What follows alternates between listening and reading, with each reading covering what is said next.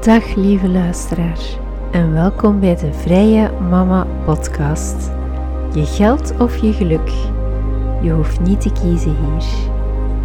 Ik ben Leen Megens. Vrije Mama en ik begeleid je met wat tough love naar meer financiële en innerlijke vrijheid. Luister je mee? Dag lieve luisteraar en welkom alweer in deze podcast. Vandaag gaan we het hebben over emoties die jouw uitgavenpatroon beïnvloeden en ook de remedies daartegen. Ik uh, moest eraan denken deze week omdat uh, ja, het heeft heel veel geregend deze week.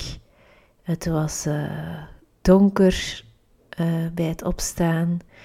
Dus deze week heb ik wel voor het eerst iets van een herfststipje gevoeld. En ben ik ook weer in de slechte gewoonte gevallen van wat veel te snacken, marsepein uh, te kopen. En ik was ook extra alert voor impuls aankopen, grote uitgaven. Want ja, mensen zijn geen robots. Onze uitgaven zijn niet altijd op rationeel gedrag uh, gestoeld. Waarschijnlijk ken je wel de praktische trucjes tegen veel uitgeven, zoals bijvoorbeeld als je op een webshop komt, kan je dingen op een wishlist zetten, een weekje in plaats van meteen winkelmandje meteen aankopen. Je kan je uitschrijven op nieuwsbrieven, je kan je op de bel mij niet meer lijst zetten. Maar in tijden van verandering of op uh, emotionele momenten, dan zijn we toch extra vatbaar voor die impulsaankopen of voor eigenlijk ja, de draad te verliezen van uh, bewust te consumeren, op onze uitgaven te letten. Ja, dan uh, vliegt dat allemaal gemakkelijk de deur uit. Dus uh, vandaag gaan we er even mee aan de slag. Het is misschien soms confronterend om bij je emoties stil te staan, hè, want ja, we hebben daar ook al, allerlei copingmechanismes voor ontwikkeld. Soms vluchtgedrag, soms gewoon negeren. Of, ja, misschien is het niet altijd even leuk om even. Maar als we dat doen, gaan we uiteindelijk wel meer innerlijke rust vinden, een uh, vettere bankrekening hebben. En uh, ja, daar doen we het toch voor uiteindelijk. Hè? Dus laten we er maar even mee aan de slag gaan, zou ik zeggen. Over welke emoties hebben we het zoal? En ik zal hier en daar ook zelf een voorbeeldje geven. Want ja, op dat vlak heb ik toch ook al uh, een paar verbeteringen doorgemaakt. Laat ons zeggen dat ik vroeger, vroeger bedoel ik ook pakweg tien jaar geleden, full-blown twintiger, toch meer van ene emotie uh, naar de andere leefde. En dat ik nu toch wat meer die rust heb gevonden en dat de bankrekening er ook wel bij is gevaren tegenover toen. Uh, dus daar heb ik ook al wat uh, uit geleerd. En in de sociale sector zie ik daar ook uh, onderzoeken van terug. Hè? Van bijvoorbeeld het effect van stress op financiële beslissingen, dat gaan we straks zien. Maar dus terug bij die emoties die ons uitgavenpatroon beïnvloeden. De eerste die we gaan bespreken is verlangen. En nu is verlangen niet altijd slecht. En dat is een beetje een misvatting van uh, mensen die bijvoorbeeld uh, voor het eerst horen over boeddhisme, zen-boeddhisme, meditatie.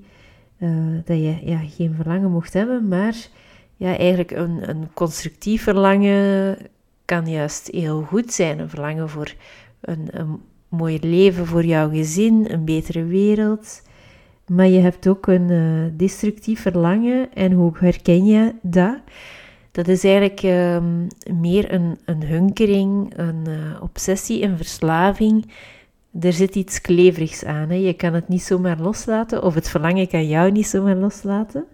Tegenover dat een positief verlangen is meer een rustig verlangen een beetje wel vergelijkbaar met, ja, misschien uh, dat de meeste mensen als tiener wel eens zo'n kalverliefde gehad hebben. Dat ze heel verliefd waren op de mooie jongen van de klas. Uh, maar eigenlijk was dat geen oprechte liefde, maar meer iets van, ja, misschien was hij nog een onzekere tienermeisje of tienerjongen en dacht je dat hij je status ging verhogen of, of ja, het waren gewoon je hormonen op hol. In elk geval een soort van obsessie. Misschien schreef je wel elke dag in je dagboek over die persoon, maar eigenlijk gaf je niet om die persoon of, of dat die persoon wel gelukkig was. Eigenlijk gaf je vooral om je verlangen voor die persoon. En ja, bij voorwerpen kunnen we ook wel zo een ongezond verlangen hebben. Ook bij dure spullen bijvoorbeeld, of uh, dure huizen. Ja, even denken, had ik op een gegeven moment zo'n obsessief verlangen. Um, ik kan niet meteen aan iets extreems denken. Maar ik weet wel dat ik uh, als ja, midden twintiger dat ik wel heel erg kon hunkeren naar uh, nieuwe kleedjes kopen op zaterdag. Dus nog niet echt shopaholic, shopverslaving, maar toch meer dan uh, gezond is voor een, een starter die nog niet, niet zo'n hoog loon heeft. En ja, ondertussen is dat veel meer onder controle. dat shoppen en die kleedjes, ik koop meestal tweedehands. En ja, wat helpt daar heel goed tegen? Tegen zo'n hunkering of iets dat naar verslaving neigt. Ik denk dat uh, dankbaarheid echt al een goede remedie is. Hè? Bij de meeste emoties bestaat er een tegenstelde emotie, een soort tegengif, die de, de emotie onschadelijk maakt. Dus als je een grote obsessie, verlangen voelt, dat je niet kan loslaten, Denk dan aan drie dingen waar je heel dankbaar voor bent in je leven. Of ga eens op bezoek bij mensen die minder hebben. Ehm, ja, dus bij mij heeft het wel geholpen om in de sociale sector die thema's te werken. En ja, ook iets kleins dat bijvoorbeeld heeft geholpen. Pre-kids gingen Bart en ik, uh, boekten vaak een Airbnb, maar het was wel een beetje een sport om... Één te boeken voor ja, minder dan 30 euro per nacht, of 30 per persoon. En zo zijn we wel op een paar, zal ik zeggen, interessantere appartementen geweest. Hè. Bijvoorbeeld in Jeruzalem, van eigenlijk gezinnen die het eigenlijk helemaal niet zo breed hadden. Het is altijd wel, ja, dat is misschien uh, wel uh, erg voor die mensen dat ik ze nu in de oefening gebruik, maar als je dan thuis komt, dan heb je het gevoel, uh, en ik weet nog bij de Jeruzalemreis, woonden wij zelf nog in een één slaapkamerappartement. Maar wij kwamen thuis en ik dacht, oh, dat bed, zalig. Ons appartement, super ruim. Ja, dan besef je eigenlijk dat wij al in een soort van, en dan spreek ik toch over middenklasse in Vlaanderen, toch al in een soort van Walhalla leven. Alleen, ja, we weten het niet altijd, omdat we in onze bubbel zitten van andere werkende Vlamingen die veel hebben. Maar ja, ik denk dat reizen bijvoorbeeld, of uh, ja, een keer gewoon een andere buurt in je eigen stad meer gaan opzoeken, dat je ogen gauw genoeg open gaan en dat je eigenlijk beseft dat je al genoeg, voldoende van alles hebt tegenover ja, heel veel mensen in de wereld. En dat je, ja, dat je er super dankbaar voor bent. Ik denk als je nu gezonde kinderen hebt, eh, je gezin veilig onder een dak, allerlei spullen, dan ben je eigenlijk al de koning te rijk. En dat gevoel helpt wel om niet meer zo geïnteresseerd te zijn in uh, nog maar eens uh, het tiende kleedje, om het zo te zeggen. Dan de tweede emotie die van invloed is op uitgavenpatroon. Uh, eenzaamheid en verveling.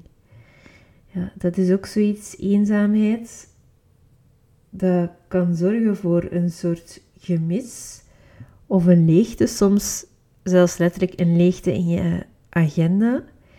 Ehm, ja, nu heb ik een gelukkig gezinnetje, ik heb een partner, twee kindjes, vrienden, familie, een schoonfamilie, dus uh, nu heb ik geen last van eenzaamheid.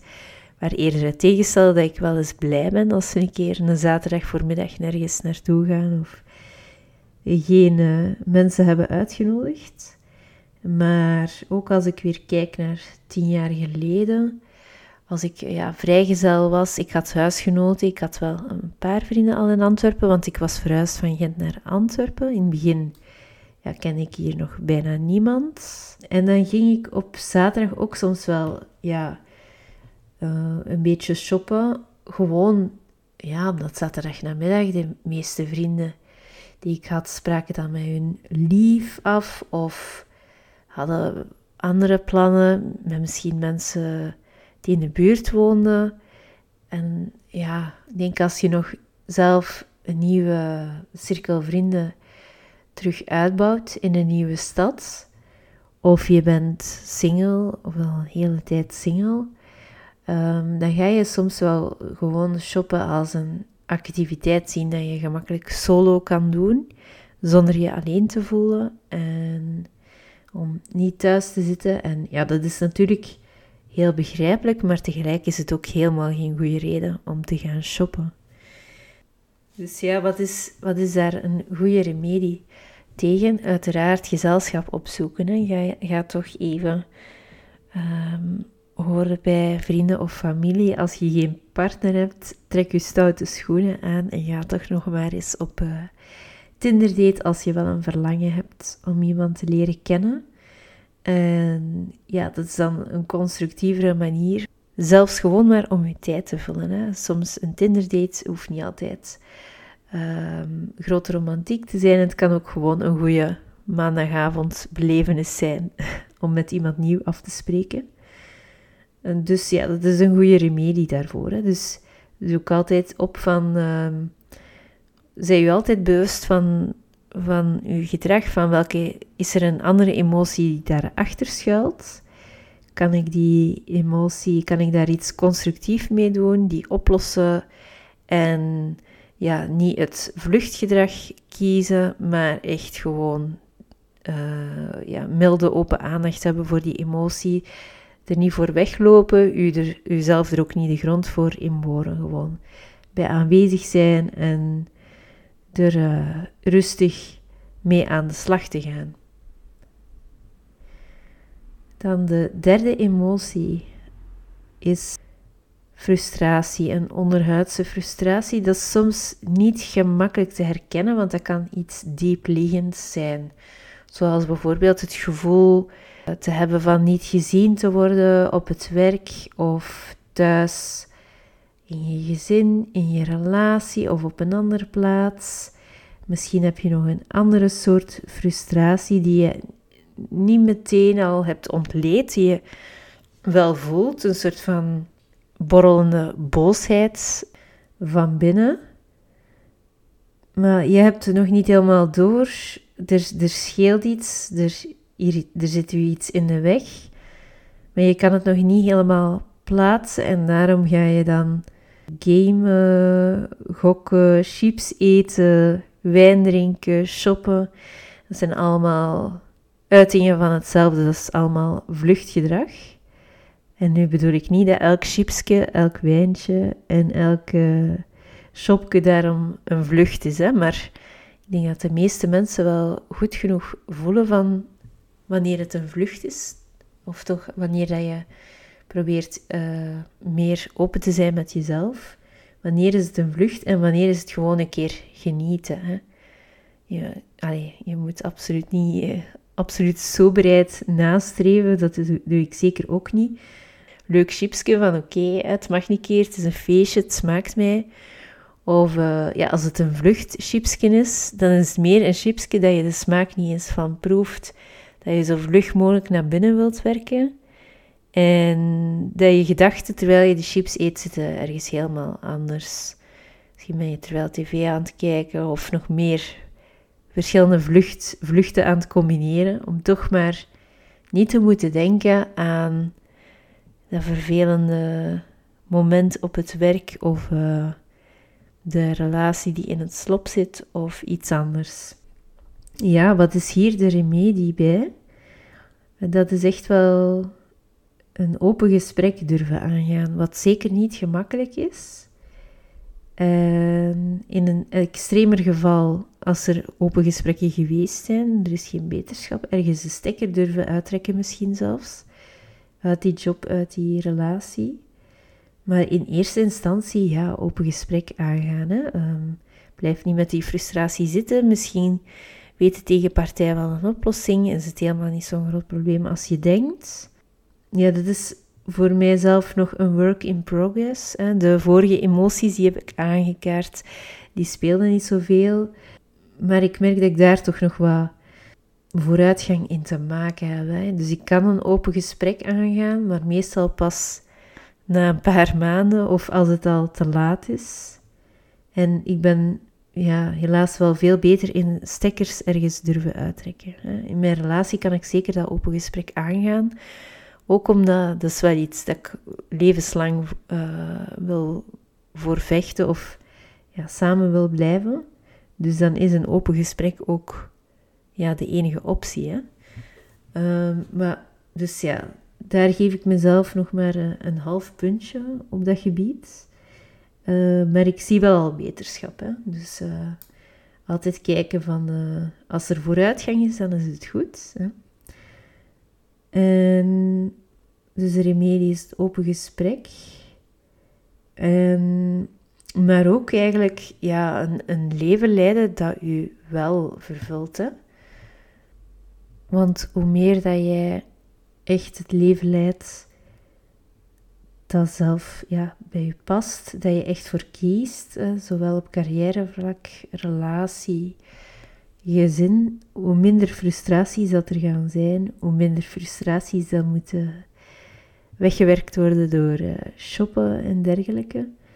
Ja, dat geloof ik echt als je je passie doet, uh, ja, dan gaat je minder Netflix nodig hebben, minder wijn, minder uh, uitgaven enzovoort. Dus dat is een heel goede remedie. En meestal hangen de dingen toch heel erg samen. Dan de vierde emotie alweer is onzekerheid. Ja, op de momenten dat we ons niet slank genoeg voelen, niet succesvol genoeg, dan is de neiging ook wel heel groot om een nieuw outfitje te gaan kopen. Of misschien uh, voor de mannen een luxe horloge of zoals we het gevoel hebben van uh, onze collega's, die uh, zijn me altijd te vlug af, ik zeg maar iets. En dat ga je dan wel een kortstondige boost geven van zelfvertrouwen misschien, maar dat, dat zal heel vlug wegzakken. Ik denk dat iedereen dat gevoel al wel gehad heeft, hè, van die nieuwe outfit, kortstondige zelfvertrouwen boost, zakt weer weg. Um, en de remedie daarvoor is heel eenvoudig. Hè? Um, positieve affirmaties, werken aan goed in je vel zitten, jezelf niet vergelijken met anderen of met plaatjes op Instagram. Dus ja, gewoon je zelfvertrouwen gaan opbouwen door misschien nieuwe uitdagingen te gaan, meer te gaan sporten als je je daar uh, beter bij voelt. Dat zijn ook dingen die heel erg kunnen helpen als remedie. En dan de vijfde emotie die van invloed is op het uitgavenpatroon. Uh, dat is wel ook de meest gevaarlijke meteen van de vijf. Uh, maar ook degene waar dat je het meest bij kan winnen misschien als je de remedie hebt. En dat is stress. Dus uit onderzoek blijkt dat stress en stresshormoon in het bijzonder een heel negatieve invloed heeft op onze financiële beslissingen. En als je dan weet dat ehm, geld ja, op zich al een stressfactor is, ja, 1 plus 1 is 2, kan je je wel voorstellen dat, ehm, dat je vanuit stress snel meer uh, slechte geldbeslissingen maakt, dat het een soort van spiraal is, dat tot schulden kan leiden. Maar het omgekeerde is ook waar. er is ook een positieve spiraal, namelijk als je voor een buffer zorgt, financiële ruimte, dat zorgt ook wel voor een, een relaxedheid, een, een goede mentale staat, waarin dat je verder kalm kan leven, goede financiële beslissingen maakt, op je uitgaven let en misschien zelfs de moed vindt om kansen te zien, om te gaan investeren, om te gaan ondernemen, om uh, bijverdiensten te vinden. En ja, dan kan je wel in een positieve geldspiraal belanden. Dus ja, dat werkt ook twee kanten op. De remedie voor stress is dan ook innerlijke rust, mentaal en op financieel vlak echt die buffer. De geldbuffer at all times. Het houdt niet alleen onze bankrekening gezond, maar ook onze psychische gezondheid zal er wel bij varen. En um, ook een hart onder de riem voor mensen die wel in die schulden zitten of die moeilijke spiraal. Durf zeker hulp vragen bij de sociale hulpverleners. Um, er zijn mensen die met u uw uitgaven in kaart kunnen brengen. En er zijn ook uh, schuldhulpverleners die echt afbetalingsplannen kunnen opstellen. Of die echt uw budget kunnen gaan beheren in uw plaats, de facturen kunnen betalen, uw leefgeld kunnen geven. In bepaalde gevallen is dat wel nodig om terug op uw effen te komen, om terug naar die, uit die paniek te geraken en ja, terug een meer zen situatie in het leven te komen. En vanuit die ruimte kan er terug van alles groeien. En ja, ik denk uh, als er een buffer is, als er um, meer ruimte is, dan krijgt leven ook iets lichts. Kunnen we ook meer gaan nadenken over wat willen we nu echt in het leven? Wat geeft ons echt voldoening? Wat zijn onze levensdoelen? Hoeveel tijd willen we spenderen met onze dierbaren? En dat heb je niet als je maar geen buffer hebt of een kleine buffer. Of je leeft een beetje van paycheck to paycheck. Dus uh, gun jezelf dat. En gun jezelf ook die remedies tegen die emoties. In plaats van uh, van paycheck to paycheck en van emotie naar emotie te leven met pieken en dalen. Uh, uiteraard is dat een levenslang proces voor iedereen. Maar uh, als je in het algemeen wat een stijgende lijn voelt, hè, met, ook al zijn er kleine pieken en dalen nog, maar het is een stijgende lijn naar meer rust, meer uh, financiële ruimte, dan ben je heel erg op de goede weg. En dan zou ik zeggen, doe zo voort. Goed gedaan. En ook bedankt voor het luisteren. En tot de volgende keer.